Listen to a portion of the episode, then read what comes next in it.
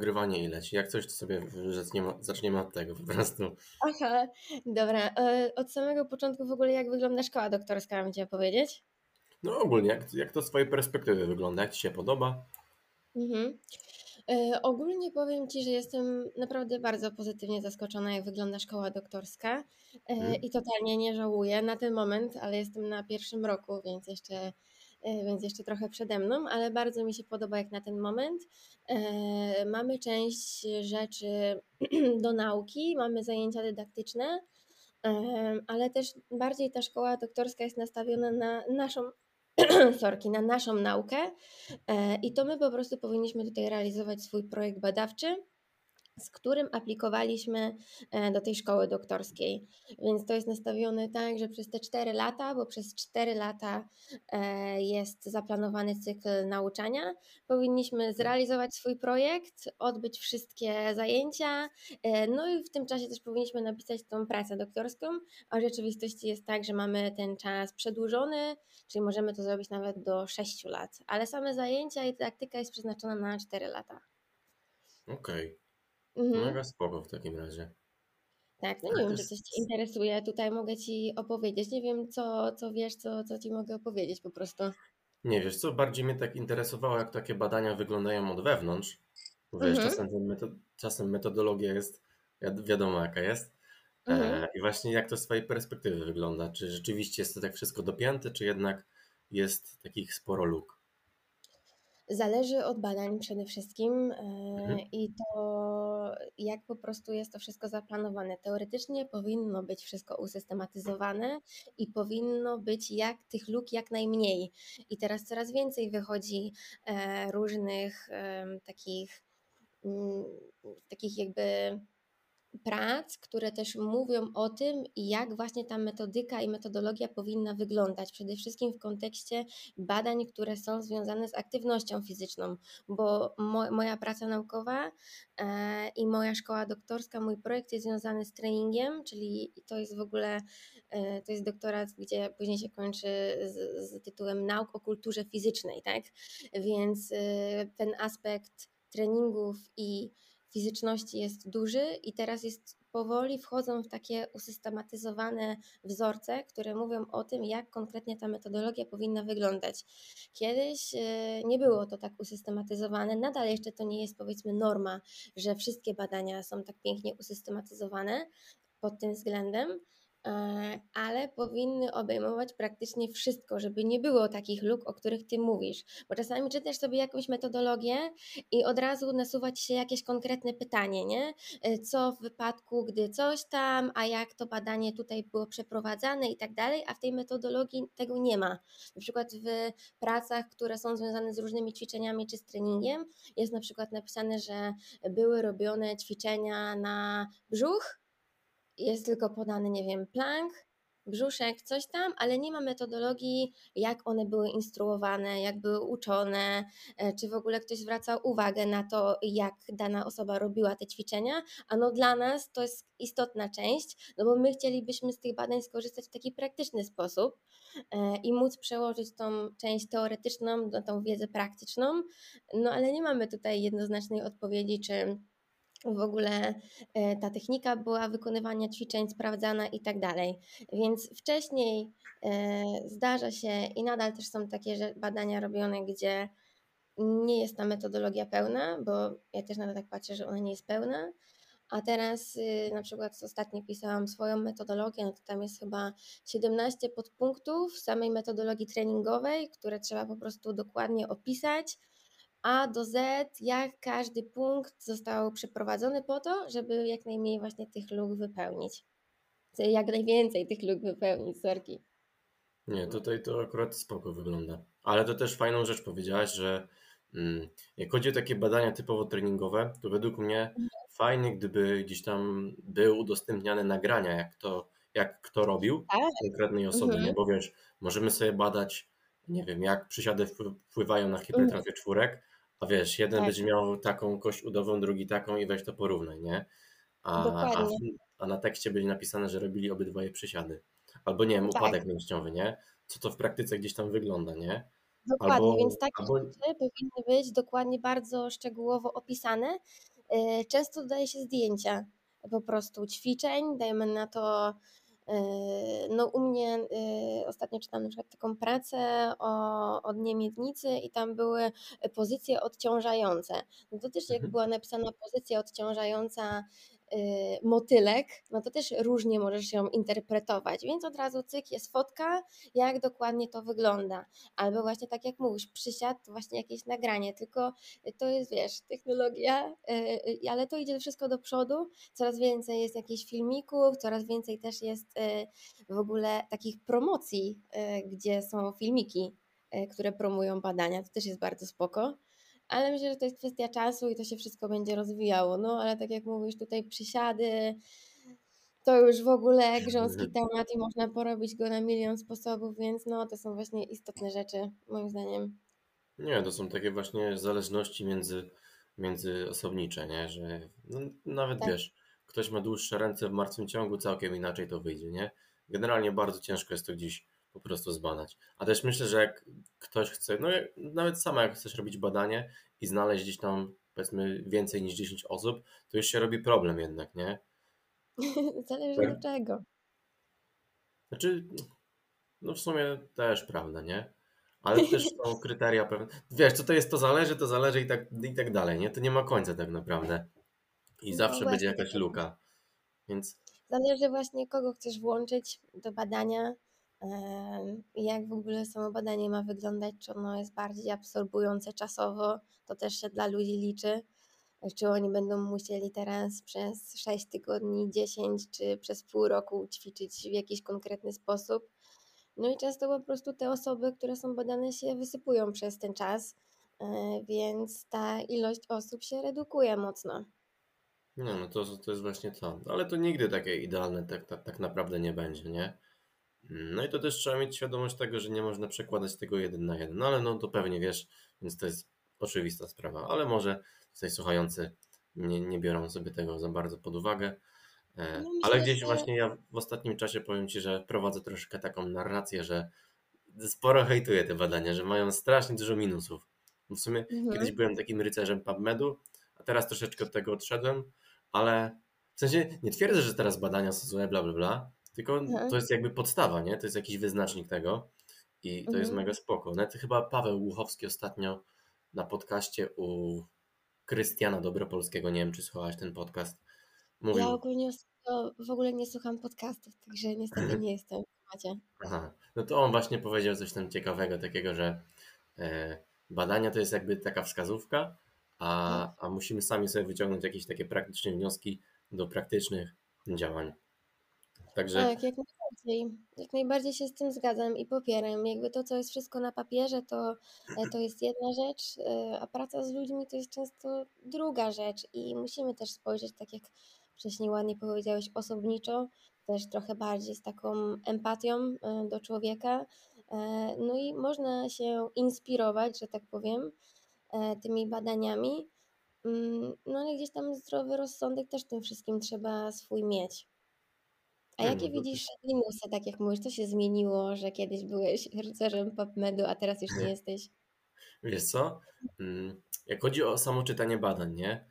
Mhm. To jednak jak wejdziesz sobie w pełny tekst, to przetłumaczenie tego na polski, gdzie ja po angielsku nie mówię jakoś szczególnie dobrze, to jest mhm. serio, zajmuje mi to z 2-3 godziny, tak żeby serio to zrozumieć, bo wiesz, dużo ludzi czyta badania w taki sposób, że, że sobie przeczyta abstrakt, o ja czytam badania, nie?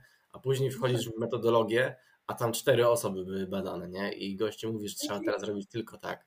I właśnie dlatego gdzieś tam jestem troszeczkę hejterem tych badań.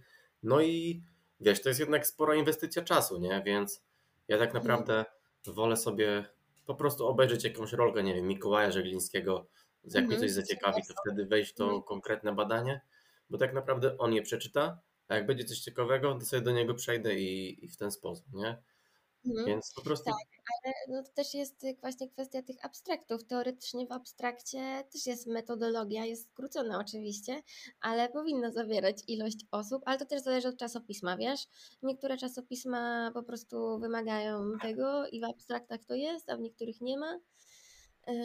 No, no no tak się patrzy też na wartość tego badania, więc faktycznie no gdzieś tam w ogóle wyszukanie tego, co Cię interesuje, żeby to było jakościowe i wartościowe, to też jest czasochłonne. E, no ale nie powiem, jak się ma lepszy angielski, to po prostu odpalasz i od razu suniesz i to no po prostu szybciej idzie, nie? Nie, no to to na pewno, nie? Też mam znajomego, który gdzieś tam kiedyś czytał badanie i do samego autora napisał, miał z nim fajną dyskusję, więc to jest mega też fajne, że ci Tak. badacze to są też spoko osoby, nie? Że, że zawsze gdzieś tam pomogą. Także Tak, mega oczywiście. Tak, zawsze jest y, w papierze podany właśnie kontakt do osoby, która jakby odpowiada za ten papier.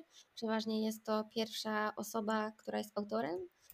E, I bardzo często też inni badacze odzywają się do tej osoby, właśnie na przykład w momencie, w którym brakuje metodologii. E, Nie jest ona ujęta właśnie tak szczegółowo, tak jak mówiliśmy sobie wcześniej, a ty chcesz zrobić jakieś konkretne badanie albo chcesz zrobić przegląd i potrzebujesz tą metodologię, no i wtedy też tak samo odzywasz się do autora i on teoretycznie powinien ci wysłać. Przeważnie tak jest y, i nie słyszałam, żeby ktoś nie dostał odpowiedzi. Ja na przykład też ostatnio pisałam do kogoś, bo potrzebowałam pełnego tekstu e, czegoś konkretnego, nie pamiętam co, i dosłownie ten pan e, profesor, których pracy jego czytałam bardzo dużo, wysłał mi w przeciągu pięciu minut, jeszcze wystalkował mnie na Facebooku, wysłał mi zaproszenie Mhm. i, i wszystko było, nie? Także tak, pewnie można sobie tak korzystać. Raczej naukowcy są, wydaje mi się, że e, otwartymi ludźmi, którzy nie boją się dyskutować, a przynajmniej tak powinno raczej to wyglądać. I tak wygląda też e, szkolenie w szkole, w szkole doktorskiej, że część zajęć, które mamy, polega właśnie na dyskusji i na wymianie doświadczeń. To powinno uczyć właśnie takiej otwartości e, i bycia takim też trochę samokrytycznym i bardziej otwartym do też innych badań, do innych spojrzeń. Mhm. Jak chodzi o ten kontakt do, do twórcy, Mhm. gdzie on jest? Bo sobie odpaliłem teraz PubMeda i w Myślę, że sumie... jak wejdziesz w pracę e, i odpalisz sobie konkretnie papier, to powinien być gdzieś w okolicy, gdzie jest e, tytuł czasopisma, gdzieś tam u góry, gdzie są informacje. Tu albo może w abstrakcie. Wydaje mi się, że to bez problemu można znaleźć. Nieważne, poszukam później, ale to akurat nie wiedziałem, to mega spoko. Myślę, że, że, że raczej jak się poszpera, to, to powinno się znaleźć. No to chwila tam, żeby poświęcić Ej, chwilę. Przeważnie jest wpisany. Tak. Dobra, to sobie troszkę zaczęliśmy w taki luźny sposób. E, I teraz dla wszystkich słuchających. Powiedz proszę, kim jesteś i czym się w ogóle zajmujesz? Aha, okej, od tyłu lecimy. Dobra, e, nazywam się Justyna Labun, jestem fizjoterapeutą, e, ale również trenerem. Na co dzień zajmuję się z osobami, które trenują siłowo, osobami, które trenują trójbój siłowy, dwubój, często też strongman, czy mam też sporo kulturystów.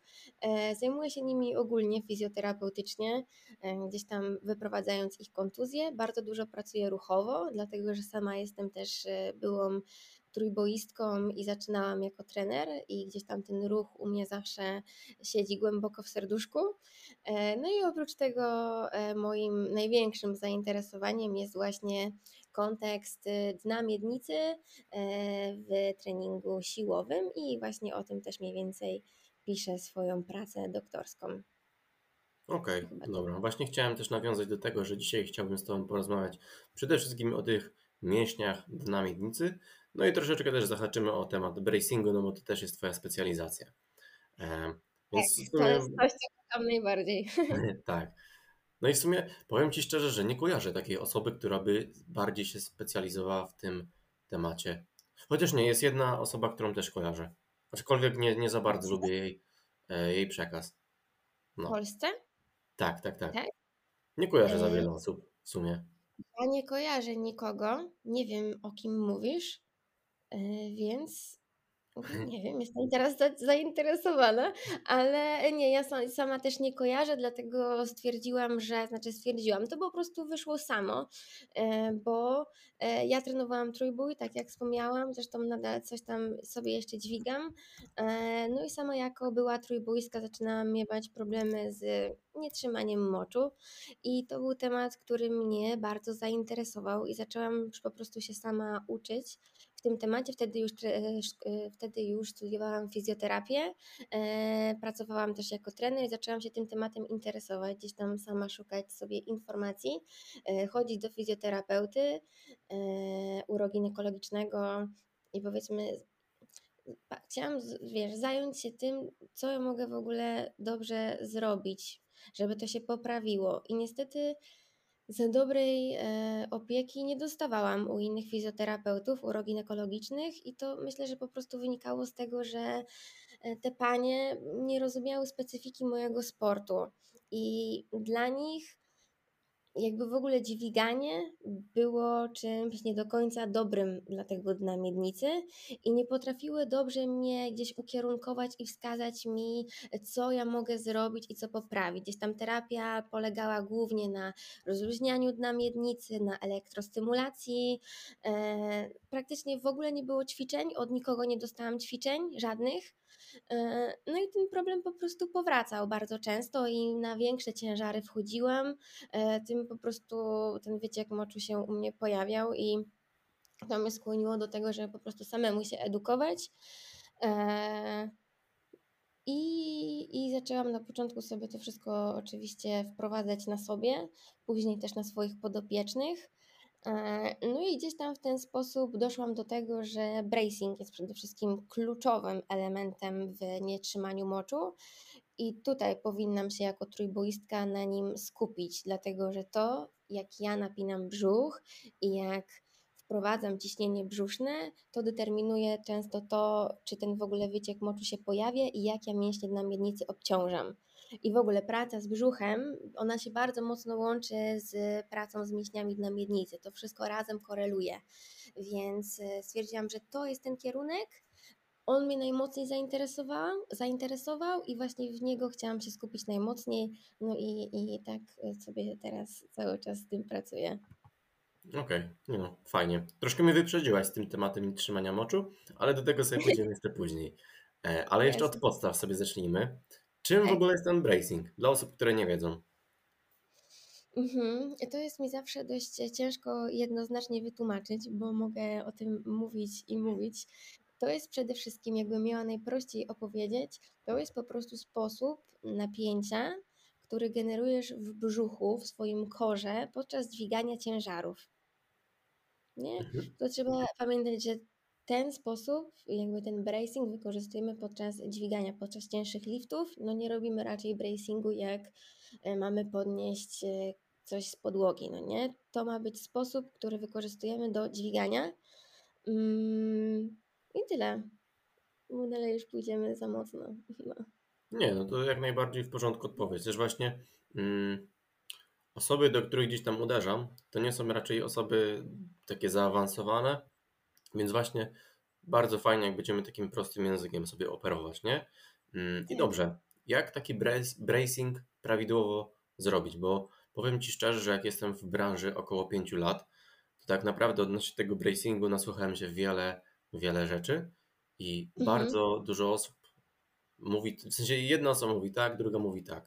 Jak to według Ciebie, jako specjalistki w tym temacie, powinno się jak taki bracing powinien wyglądać Twoim okiem? Mała przerwa w podcaście. Jeżeli podobają Ci się moje materiały, zostaw suba i 5 gwiazdek na Spotify'u. Również polecam zajrzeć na mojego Instagrama i TikToka, gdzie regularnie pojawiają się dodatkowe treści. To tyle. Wracamy do odcinka.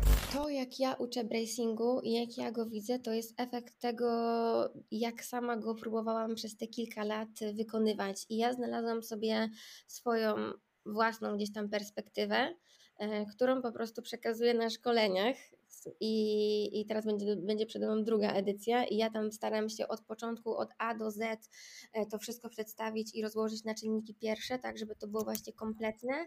E, I myślę, że nie ma też w tym nic złego, że każdy pokazuje to w inny sposób, dlatego że ten efekt końcowy jest najbardziej tutaj istotny. Chcemy mieć przede wszystkim usztywniony cały korpus. Mhm. Nie, i chcemy tutaj e, się po prostu stabilnie w całym tym obrębie jamy brzusznej.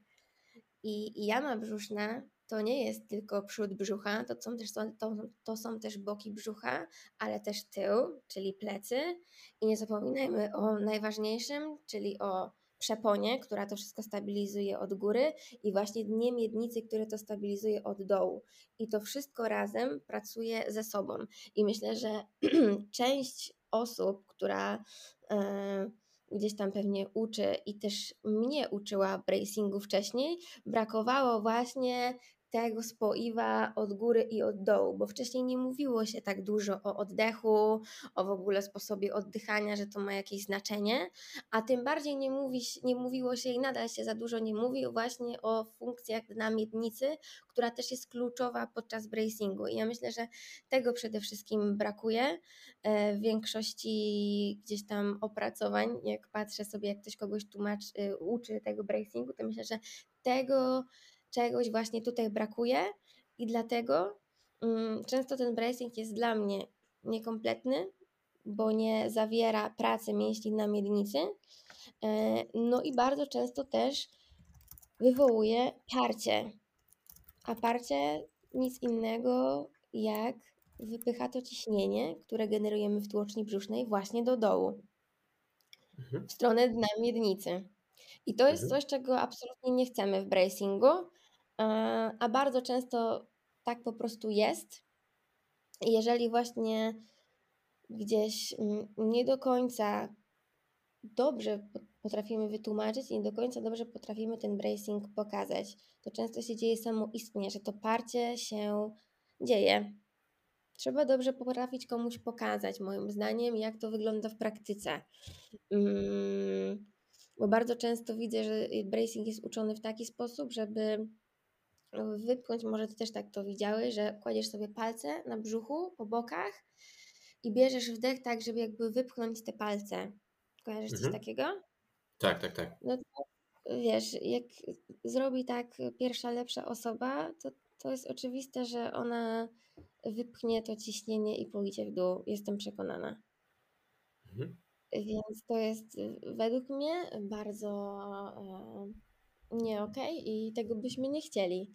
Ale tak jak mówię, u niektórych to może być tak, że on zrobi z tych palców na boki i zrobi to dobrze, a są osoby, które to zrobią i to po prostu ten efekt nie będzie taki, jaki, jaki chcemy. Więc ja bardzo podchodzę tak indywidualnie do tego i bardzo mocno się skupiam to, jak ktoś to w praktyce robi. Bo mówię, sposób tego tłumaczenia i pokazywania może być różny, ale chodzi o to, jak ty go wykonasz. Rozumiem. Ja też powiem Ci, że lubię sobie dzielić naukę tego bracingu na czynniki pierwsze, czyli tak, tak naprawdę zaczynam sobie zawsze od nauki mm, wdechu w dolne żebra, czyli w przeponę. Mhm. Później gdzieś mhm. tam dzielę to na górę mm, brzucha, w sensie, żeby sobie ściągnąć te żebra jakby w dół. Później mhm. jakby pokazuję, jak spiąć mięśnie na miednicy yy, i później pokazuję, jak to sobie jakby zaaplikować w cały brzuch, czyli 360 stopni jakby, nie?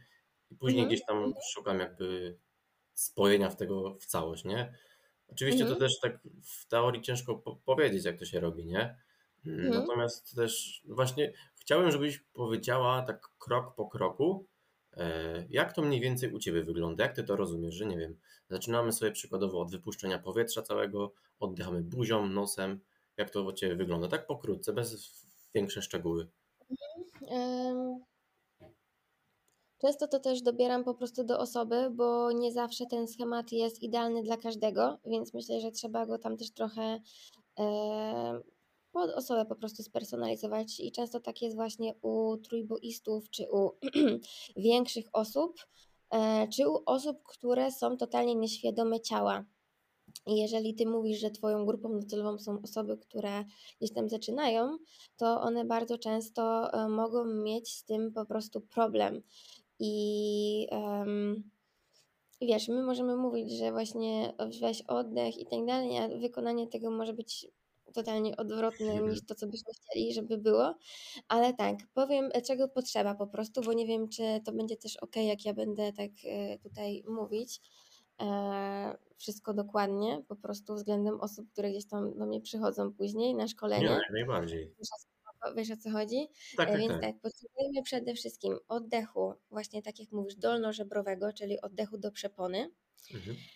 I to jest już w ogóle pierwszy element, który się najczęściej wysypuje u ludzi, więc potrzeba oddechu dolnożebrowego to jest raz. Potrzeba również oddechu brzusznego. Ja go sobie rozgraniczam. Dla mnie to i to to są dwie inne rzeczy. Nie? Oddech brzuszny bardziej prowadzimy niżej do brzucha, oddech do przepony wyżej w stronę dolnych żeber.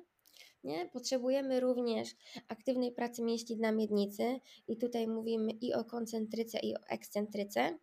Potrzebujemy zespoić to wszystko z górą, czyli żebra i miednicą, nie? Czyli musimy potrafić ułożyć jakby jedną kolumnę nad drugą kolumną równolegle, Boże, tak? Tak, równolegle. To Mhm. wszystko musi być dobrze ułożone nad sobą. Żeby tak było, potrzebujemy też mieć dobrą mm, świadomość ruchów miednicy, tak? Potrzebujemy umieć świadomie wprowadzać miednicę i do przodu, i do tyłu pochylenia. To też jest element, który się często wysypuje. bo Ludzie nie czują swoich miednic, nie? A my potraf- musimy ułożyć górę z dołem razem i zrobić to aktywnie, w taki sposób, żeby ustawić tą pozycję mięśniami brzucha. Czyli potrzebujemy tutaj opuszczenia żeber, napięcia całej, całego brzucha, złączenia tych wszystkich elementów aktywnych razem ze sobą e, i wcześniejszych oddechów. Mhm. No tutaj myślę, że gdzieś to bardzo podobnie robimy, nie? Tak, bardzo, bardzo dobrze powiedziałeś. Myślę, że jak najbardziej spoko. Mhm. Mm, Też zawsze jak gdzieś tam na żywo pokazuję ten bracing, e, dzielę to wszystko na elementy sobie i zawsze Mhm. bawi mnie sytuacja, jak mówię, że teraz musimy wszystko połączyć naraz. I ten uśmiech Tak. klienta zawsze to jest. No, jest taki nagle, wiesz, pokazujesz komuś y, tam właśnie dno miednicy i on już myśli, że to jest koniec, a ty mówisz, dobra, to teraz łączymy to wszystko razem. Jest nagle, jak? To jest niemożliwe, no nie? Także no, ale czasami właśnie jak ktoś y, totalnie jest nieświadomy ciała, to myślę, że można gdzieś tam e, to, wiesz, po prostu zredukować u kogoś.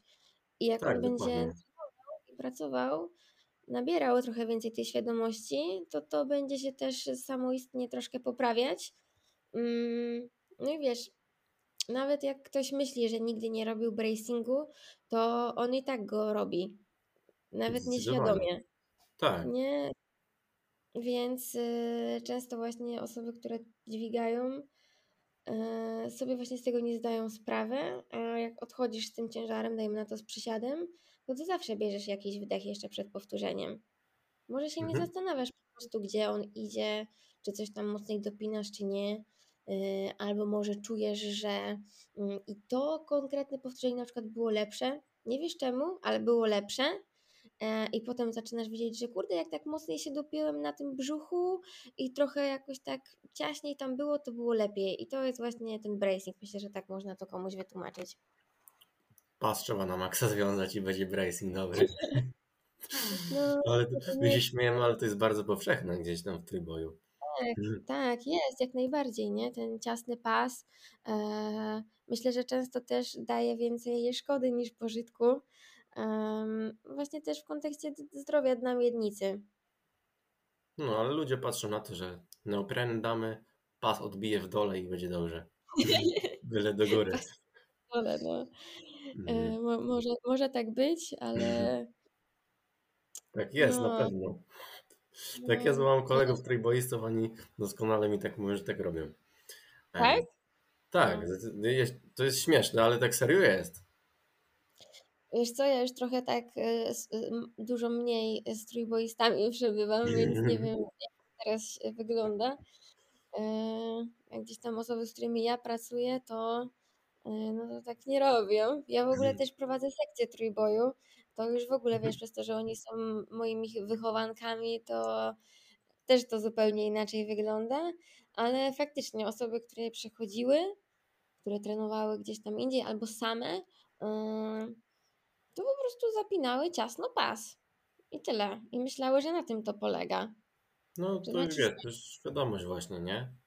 Tak, tak. To jest, to jest moim zdaniem świadomość po prostu. Im dłużej trenujesz, e, im większy masz staż, tym też więcej rzeczy po prostu czujesz, które się w tym ciele dzieją. Dokładnie. Też wiesz, taka Nie. współpraca z osobą, która gdzieś kiedyś była bardzo aktywna, a taką, która gdzieś zaczyna dopiero ze sportem, to jest całkiem coś innego, nie? Tak jak wcześniej Tak. mówiłaś, trzeba nauczyć się powiedzmy ruchów miednicy. Też Mhm. jedna osoba to załapie od razu, a druga to w ogóle co to jest miednica, jak tym się rusza, nie? Mówię, ja mogę Tak. robić? No właśnie, i to, to jest akurat u osób bardziej tych nieświadomych, e, ale ja dużo bardziej wolę pracować z osobami, które już jakiś staż mają i są bardziej zaawansowane. E, uwielbiam pracować z takimi osobami, e, dlatego że one akurat już wiedzą, czym są ruchy miednicy, ale jak mają wykonać coś takiego prostszego w stylu oddaj do przepony, taki typowy trójboista, to on jest w szoku. To on w ogóle nie wie, jak to zrobić, bo te jego stare wzorce są już tak utarte, że bardzo ciężko jest u osób, które e, właśnie mają już duży staż i które trenowały w jakiś tam określony sposób, nagle pokazać mu coś innego. I to jeszcze tak totalnie podstawowego jak oddech. I Dokładnie. często ci wielcy trójboiści Mm. e, myślą, że co to jest w ogóle oddychanie, nie? Na co mi to potrzebne? Mm. A potem jak zaczynają to pracować nad tym e, i implementować to u siebie, mm, to faktycznie zaczynają czuć poprawę. E, I to jest właśnie piękne i to, to mi się najbardziej podoba, że faktycznie zaczynają się skłaniać do takich podstaw i do powrotu do takich podstaw, bo to najczęściej nam się wysypuje. Nawet jak jesteśmy bardzo doświadczeni, to najczęściej właśnie czasem trzeba wrócić do podstaw i tutaj coś poprawić, e, a żeby później e, pójść sobie dalej. Zdecydowanie. Nawet pewnie No. zauważyłaś taką zależność, że im dłużej jesteś w treningu, tym bardziej Mhm. wracasz do podstaw, nie? Tak, oczywiście, że tak. Właśnie o to chodzi, że wiesz, dostajesz zaawansowanego zawodnika, przychodzi do mnie na fizjo i to często nie jest kwestia tego, że ty masz wymyślać jeszcze bardziej zaawansowane rzeczy, tylko czasem naprawdę warto jest wrócić do totalnych podstaw, jak oddech, jak napięcie brzucha, jak ustawienie łopatki, e, jak, nie wiem, ustawienie właśnie stopy jak konkretnie w jakiś sposób. To są najczęściej te rzeczy, do których ja wracam u ludzi. I to najczęściej robi najlepszą robotę. Tak, to są właśnie takie detale, o których mało się mówi, ale są Mhm. istotne, nie? To są detale, to są po prostu detale, ale one, one są podstawowe, ale to są właśnie takie de detaliczne drobnostki, takie drobne rzeczy, ale często u tych właśnie zaawansowanych osób one robią najlepszą zmianę. Dokładnie. Mm, Wróćmy jeszcze proszę do tego ustawienia relacji, czy do tej relacji żebra-miednica. No teraz tak, Mhm. mówimy, że one muszą być ustawione równolegle do siebie, nie? Mhm, tak schematycznie. Myślę, że raczej idealnie równolegle raczej nie, ale schematycznie e, tak to e, mówię. No, no, dawaj, Tak, tak, tak. Mhm. Tylko teraz tak, jak spojrzymy sobie chociażby na dwubój, to tam Mhm. myślę, że zdecydowana większość osób jest w przodopochyleniu. I teraz, Jest. czy to jest błąd? Y, Czy oni mają taką świadomość swojego ciała, że to jest w porządku? Jak to wygląda z Twojej perspektywy? Czy, czy wtedy ten bracing jest w porządku? Czy może tam są jakieś takie problemy, nie wiem, z tym spiętym, spiętymi mięśniami na miednicy, o których się nie mówi? Jak to wygląda? Mhm. E, Wiesz co, e, tak, tak musi być po prostu w dwuboju. E, Mhm. To wynika po prostu z ich specyfiki sportu. I u nich, tak jak mówisz, jest przodopochylenie miednicy, jest zwiększona lordoza lędźwiowa i, e, i tak inaczej sobie nie wyobrażam po prostu tego. Ja nie jestem też jakąś specjalistką od dwuboju. Chciałabym teraz sobie wrócić do tego dwuboju. Kiedyś robiłam, kiedyś miałam taki moment, że trenowałam troszkę dwuboju, elementów dwubo- dwuboju i łączyłam go z trójbojem. E, No i właśnie, i, i, i to było bardzo ciężkie połączenie, dlatego że my w trójboju jesteśmy wszędzie tacy gdzieś tam usztywnieni, pospawani, właśnie złączeni, chcemy mieć tą klatkę, miednicę razem, a dwubój był totalnie odwrotny i ta siła, którą się generowało, ustawienie głowy, no to wszystko było zupełnie inne niż w trójboju, więc to było dla mnie bardzo ciężkie do zrobienia. E, I wydaje mi się, że po prostu tak musi być, bo inaczej nie wypchniesz dobrze tej sztangi. Musisz być w takim lekkim ustawieniu, jak poogląda się zawodowych gdzieś tam Chińczyków, olimpijskich i tak dalej, to już w ogóle tam to wygięcie jest bardzo mocne, więc wydaje mi się, że ono jest po prostu tam potrzebne w tym sporcie. I chciałabym właśnie sobie teraz wrócić do tego, jak sobie naprawię bark i będę mogła robić dwuboje, to sobie do tego wrócić, żeby jeszcze lepiej zrozumieć bracing e, w tych ruchach. Mm, ale to, broń Boże, nie jest błąd. To jest po prostu inna technika bracingu. Tak bym to nazwała. Mhm. To jest bardzo Szukasz fajne, co powiedziałaś. Trzeba szukać napięcia po prostu w innym ustawieniu. To dla nas, sprzedajmy na to w przysiadzie czy w ciągu, my chcemy być tak fajnie równolegle, tam wydaje mi się, że potrzeba po prostu innej rzeczy. Pełna zgoda. Ogólnie też mm, tutaj bym to powiedział, że na sam ruch nie można patrzeć tak zero-jedynkowo, tylko tak jak powiedziałaś, musimy spojrzeć sobie na dany przypadek i pod niego konkretnie dostosować to, co będziemy robić, nie? No często spotyka się coś takiego, że mm, byłem nawet na szkoleniu. Bardzo popularna drużyna trójbojowa w Polsce. Na pewno kojarzysz. Jedna z najsilniejszych albo najsilniejsza. E, byłem z kolegą dwuboistą. Robił sobie fronty i prowadzący do niego, że nie może być przodopochylenia miednicy, bo to źle. I, i właśnie tutaj, wiesz, mm, mówię, najlepsza drużyna w Polsce można powiedzieć tak naprawdę, a takie rzeczy gdzieś tam się powołują, nie? Natomiast no, nie chcę też jakoś za bardzo skupiać się na tym, że ktoś tam tak robi, ale no, to taka ciekawostka, nie? Że też nie można ufać każdemu w internecie, nawet jeżeli jest to ktoś najsilniejszy i tam, nie wiem, wyciska dwie stówy, bo oczywiście jak ktoś wyciska dużo, to jest mądry, nie? Oczywiście taka jest korelacja, jak chodzi o wiedzę. W świecie trójboju. Mm, dokładnie. W świecie trójboju tak to wygląda, nie? Mm. Że więcej wyciskasz, to, to tutaj królujesz. Mm. E, ale no, tak jak mówisz, no jeżeli on jest dwuboistą i robi fronty, no to jego fronty wyglądają no inaczej niż fronty trójboisty. Po prostu. Mhm. Ale to, to wynika z naszej specyfiki sportu. My potrzebujemy innych rzeczy w trójboju i innych rzeczy potrzeba w dwuboju. Więc wydaje mi się, że to jest ten moment, gdzie właśnie potrzeba więcej takiej otwartości e, mhm. na, na inne sporty. I wiesz, dla trójboisty zrobienie czegoś takiego, tego dwubojowego fronta, właśnie może nie być zbyt korzystne, a dla dwuboisty zrobienie trójbojowego fronta może nie być korzystne. Dokładnie. I tyle. Tutaj jak najbardziej się zgadzam. Hmm. Powiedz mi proszę, czy. Się, sorry, ale mi się na przykład osobiście bardzo podobają dwubojowe fronty, e, mhm. bo e, to jest właśnie taki e, dwubojowy front, w ogóle dwubojowe ruchy, e, bo one wymagają bardzo, bardzo dużej świadomości ciała e, i zupełnie innego dopięcia niż w trójboju. I wydaje mi się, że właśnie e, tak nawet dla siebie, jeżeli trenuje ktoś trójbój, mógłby sobie kiedyś, nawet dla czystej zabawy, po prostu spróbować sobie porobić coś z elementów dwuboju i zobaczyć, jak bardzo ciało zupełnie inaczej się zachowuje. Naprawdę, to dla mnie było bardzo fajne doświadczenie. Ale to po zawodach i po redukcji. Po zawodach, oczywiście, w jakimś off-seasonie najlepiej, e, ale ja uważam, że, że trzeba jak najbardziej. Mm, wiesz, szeroko patrzeć na, na aktywność fizyczną i w ogóle na ruchy w ciele, bo mi też po prostu to zaczęło przeszkadzać po kilku latach trenowania trójboju i niczego więcej. Ja po prostu czułam się jak sztywny klocek. Ja nie miałam ruchomości. Wszystkie ruchy były takie twarde, kwadratowe. E, no i e, ja uważam, że to trochę jest upośledzające ciało.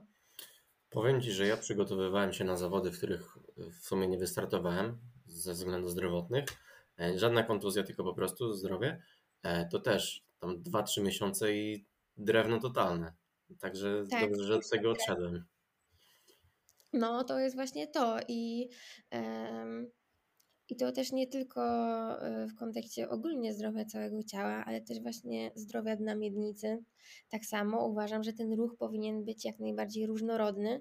Wiadomo, nie można być najlepszym e, i dwuboistą, i trójboistą, e, czy i trójboistą, i nie wiem, tancerzem, bo to się po prostu troszkę Mhm. wyklucza, ale uważam, że powinien ten ruch troszkę być bardziej urozmaicony, bo bardzo często jednak trójbój jest dość taki, wiesz, nie ma za dużo urozmaiceń często.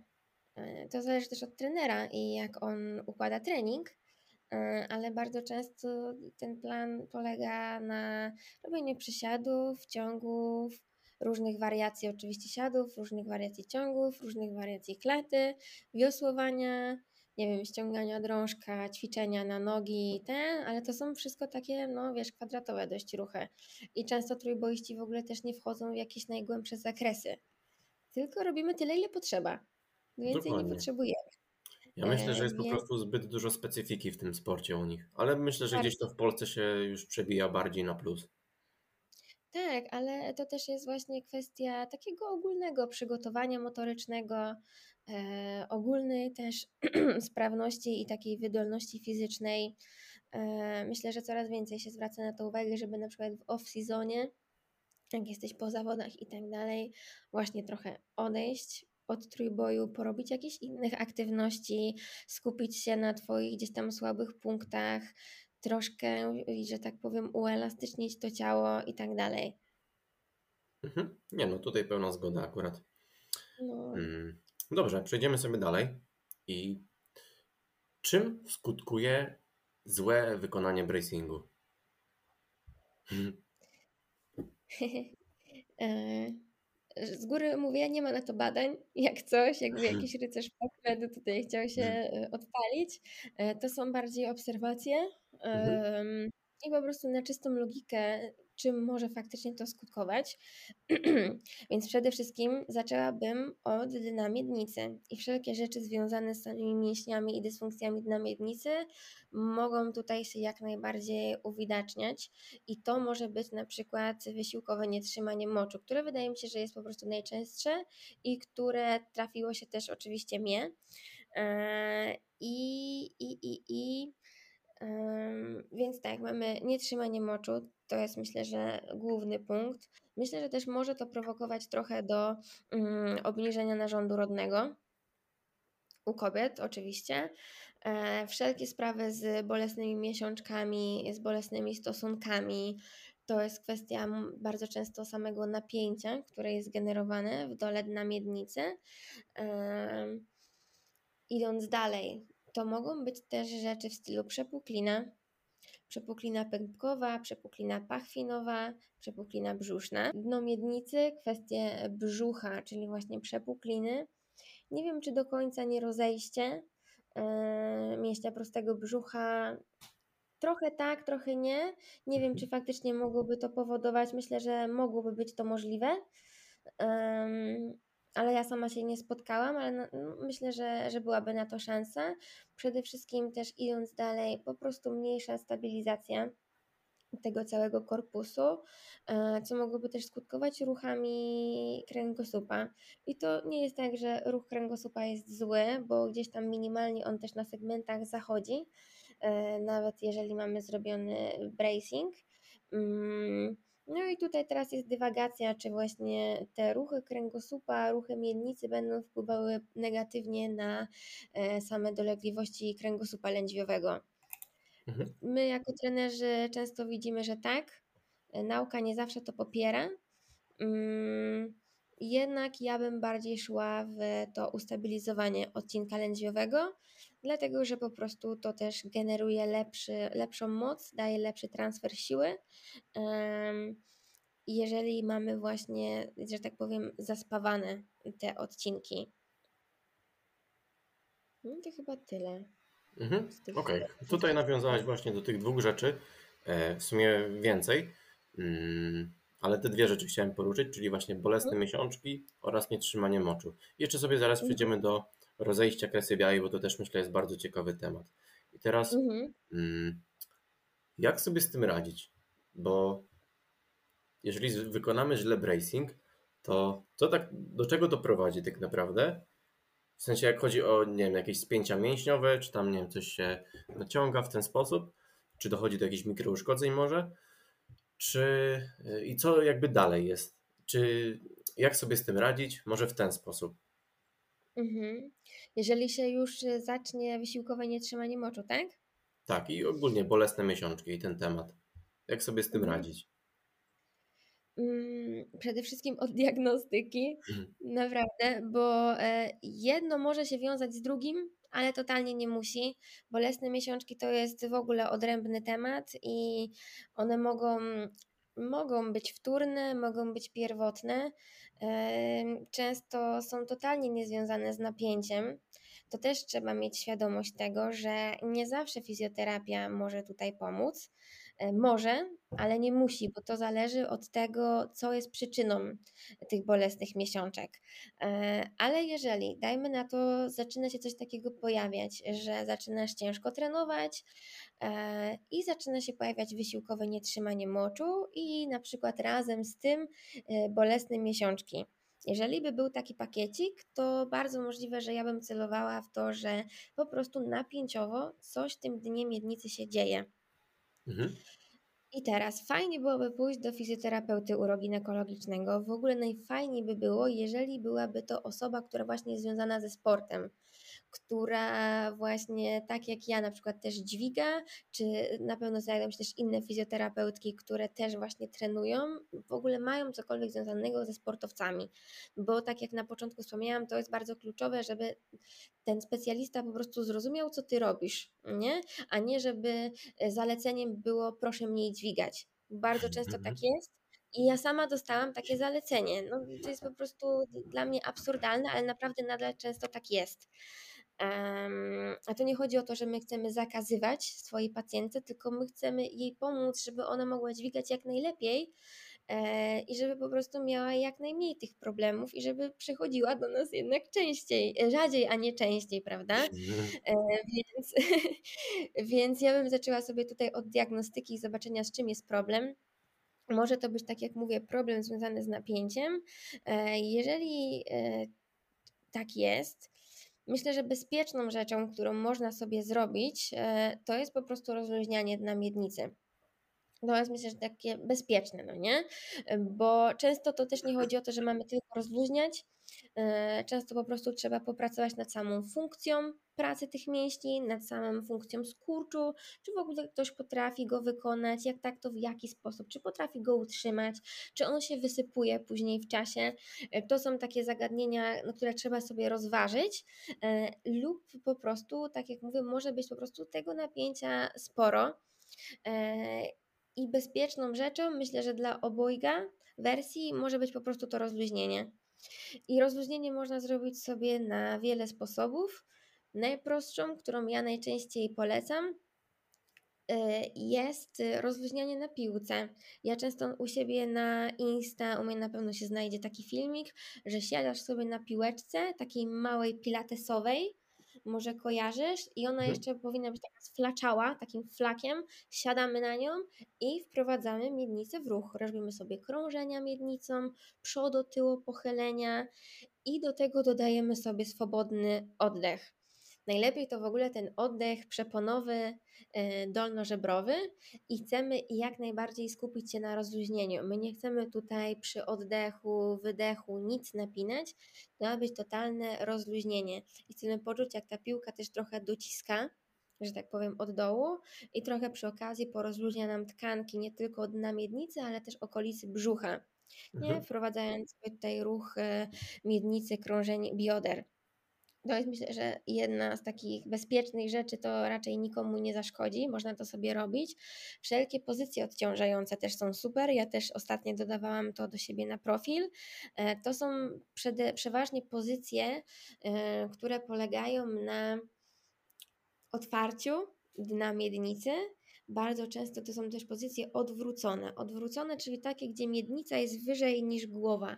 E, Czyli Mhm. na przykład to jest klęk podparty na łokciach, pozycja kolankowo-łokciowa, gdzie dupka jest wyżej, głowa jest niżej, my jesteśmy tutaj na łokciach i siedzimy sobie, zostajemy w tej pozycji i tak samo dodajemy sobie oddech. Po prostu sobie zwyczajnie, spokojnie oddychamy nosem do dolnych żeber, rozluźniamy sobie powłoki brzuszne i staramy się skupić na tym, jak przy każdym oddechu, kiedy bierzesz wdech i przepona się obniża, tak samo dno miednicy się obniża, dlatego że te dwie partie, góra z dołem, pracują synergistycznie.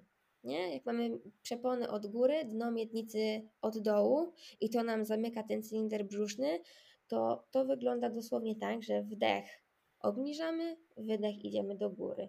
Wdech, wydech, wdech, wydech. To jest minimalny ruch na dnie miednicy, to jest dosłownie kilka milimetrów ruchu, ale y, można się skupić na tym, jak właśnie przy każdym oddechu ta część się obniża i zaczyna pracować. To też będzie rozluźniające i myślę, że jak najbardziej bezpieczne i nikomu po prostu nie zaszkodzi. Więc pozycja mhm. kolankowo-łokciowa, różne pozycje z otwarciem bioder, kolanami na bok. E, mogą być też różne pozycje z jogi. Sama też bardzo je lubię.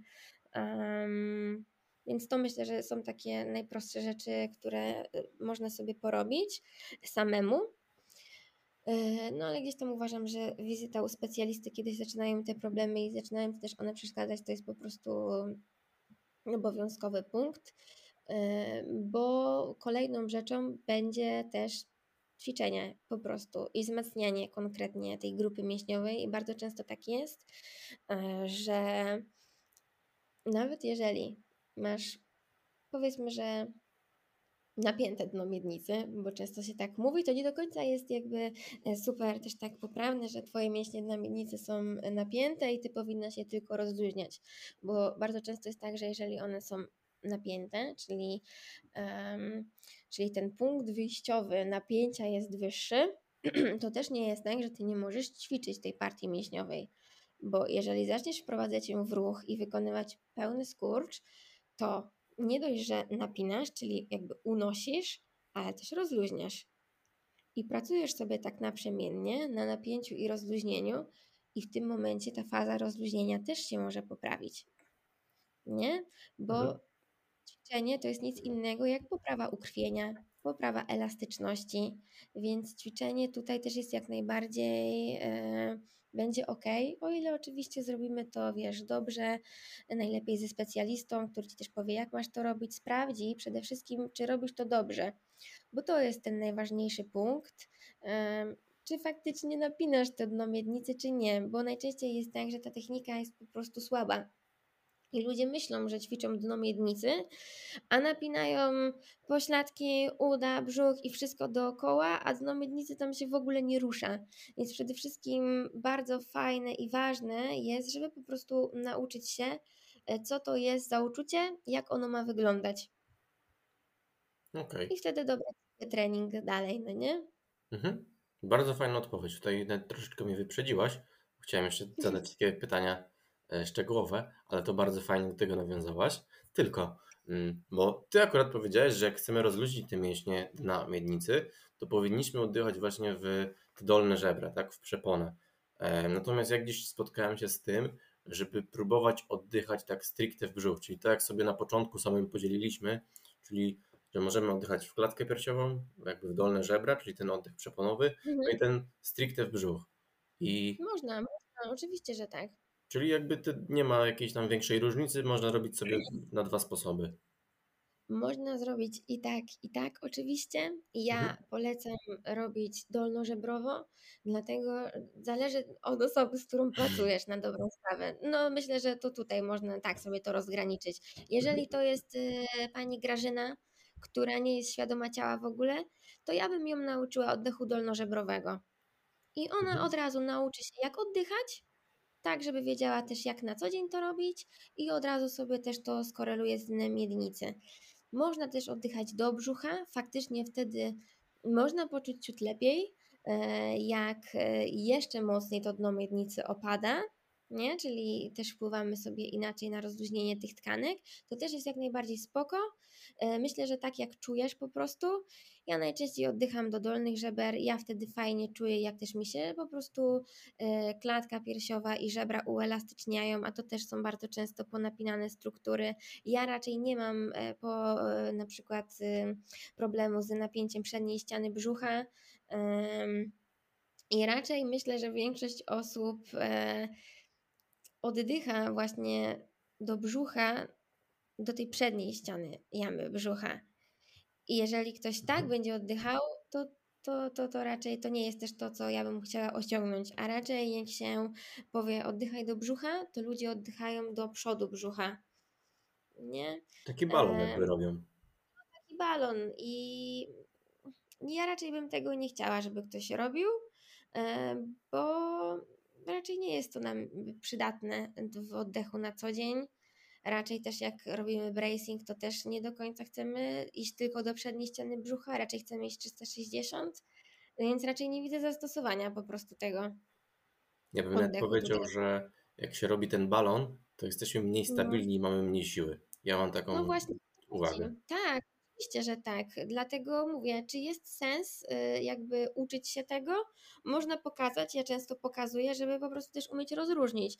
Zobacz, teraz oddychasz do przodu, czujesz to? No jest inaczej, a jak dasz tutaj, o to też jest zupełnie inaczej.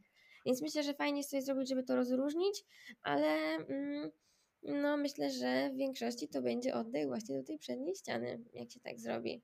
Jeżeli ktoś jest świadomy, to jak najbardziej spoko. Myślę, że można tak robić. E, Jeżeli robimy to tak celowo, świadomie, że ja wiem, co chcę rozluźnić, i wiem, gdzie prowadzę ten oddech, myślę, że jak najbardziej okej, nie? Ale dla Mhm. takich lajków to raczej bym powiedziała, że oddychaj sobie do dolnych żeber. No do mnie ma co aż tak wchodzić w szczegóły tak naprawdę, nie? U nich jak się da jakikolwiek ruch. To jest bardzo już szczegółowe, więc y, no, myślę, że to będzie bezpieczniejsza opcja po prostu. jak najbardziej. Dobrze. E, powoli zmierz- zmierzając ku końcowi. Mm, Mhm.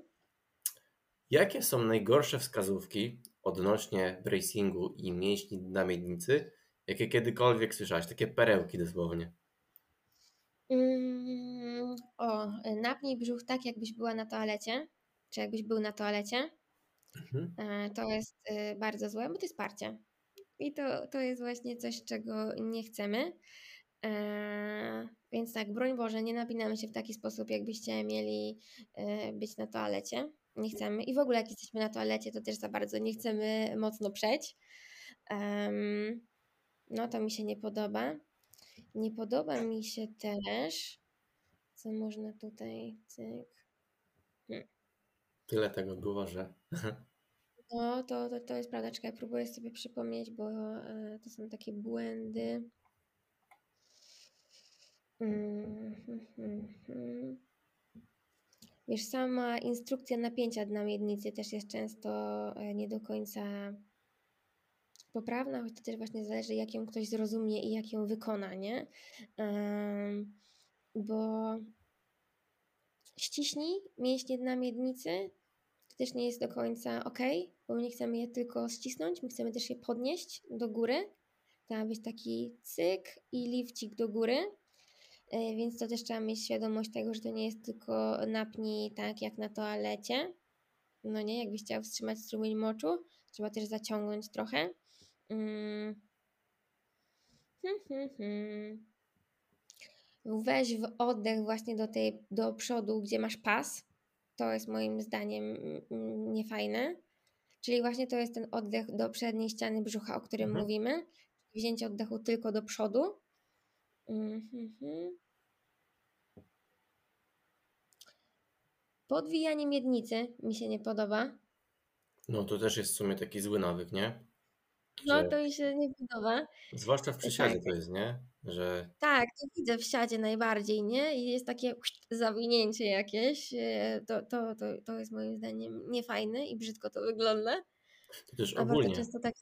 To też No. ogólnie jest tak, że ludzie nau- uczą się spinać ten brzuch poprzez tyło pochylenie miednicy, a później jak zaczynają tak. przysiad, to tam w dole nie są za bardzo stabilni, nie? I później lecą gdzieś do przodu i, i właśnie to jest taki zły nawyk, który gdzieś tam bardzo często się buduje. Mhm, tak, tak, dokładnie, no. E...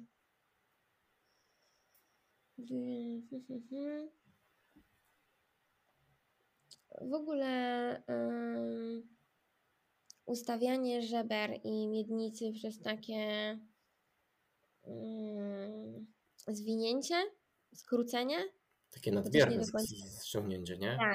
tak, tak, takie jakbyś się chciał właśnie zgiąć w pół. Jak Allahę robimy, coś takiego. Tak, na przykład to będzie, to będzie coś takiego, nie? Że aż dochodzi do zgięcia. e, i, i również zgięcia w kręgosłupie. Kurczę. Niby jest tego tak dużo, a widzisz, teraz sobie nie mogę nic przypomnieć. Tak, tak to właśnie jest, nie? Ym, No tak, Myślę, myślę, że to tak sporo powiedzieliśmy, także Myślę, że to są takie najpopularniejsze. Właśnie ten oddech do przedniej ściany brzucha, w ogóle wypychanie brzucha. To jest też często zła komenda. Wypchnij brzuch, nie? E, Wypchnij brzuch, e, weź oddech do przodu pasa, napnij się tak, jakbyś był na toalecie, e, ściśnij mięśnie dna miednicy, podwiń miednicę. Pas jak najmocniej. Pas jak najmocniej to też jest y, nie, nie, nie fajna sprawa. Ym, I w ogóle zakładanie pasa od razu, myślę, że to też nie jest fajna sprawa. E, Jak się jest osobą początkującą, ja bym nie wkładała takiej osoby do pasa. Najpierw bym ją nauczyła no. trenować bez pasa, później dopiero bym zabrała, ubrała ten pas, e, bo to też może po prostu uczyć tego niepoprawnego wzorca i właśnie oddychania do, do przodu, nie? do wypychania e, pasa i do parcia. Zdecydowanie. Bo ludzie, którzy zakładają pas, mają to uczucie takiego ścisku i myślą, że ten Mhm. brzuch jest, jest, już jest dopięty, nie? A to jednak tak nie wygląda. No i właśnie wtedy, jak on jest taki ściśnięty, jeszcze dodatkowo dodamy sobie to wypchnięcie pasa, a dno miednicy jest luźne, no to dochodzi po prostu do parcia. Em, no, to są Myślę, że tyle, nie? O, tak, tak, tak. Dobrze. Wspomnij proszę na koniec troszkę o, o w ogóle o sobie, gdzie można Cię znaleźć w internecie i o swoich szkoleniach też wspomnij. To myślę jest bardzo ciekawy temat. E, Okej, E, można mnie spotkać oczywiście w internecie pod nazwą Fizjolifterka na Instagramie. Jestem też na TikToku, ale nie jestem na tyle aktywnym TikTokerem. E, Przyznaję, że nie ogarniam za dobrze TikToka. Tak, dużo więcej udzielam się na Instagramie. Można mnie znaleźć stacjonarnie w Gdyni i w Gdańsku. Tutaj też przyjmuję i pracuję z pacjentami. E, A na moje szkolenie z bracingu e, zapraszam oczywiście do Gdańska, mm, ale też myślę, żeby pójść gdzieś dalej, bo ludzie do mnie piszą, czy będę w Warszawie, czy będę w Krakowie, czy będę gdzieś tam, e, więc mogę powiedzieć, że będę w Krakowie, to już wiem na pewno. Myślę, że też na pewno zdarzy mi się być w Warszawie. E, No więc zapraszam, jeżeli ktoś byłby chętny zobaczenia, jak ja to opisuję od A do Z i jak ja rozumiem ten bracing. Czekam na Poznań albo Wrocław i wpadam, bo ja to mam strasznie Jesteś daleko do? Krakowa i do Jesteś Warszawy. Poznania? Ja jestem Tak. z e, Gorzowa Wielkopolskiego, to jest przy granicy Niemiec praktycznie.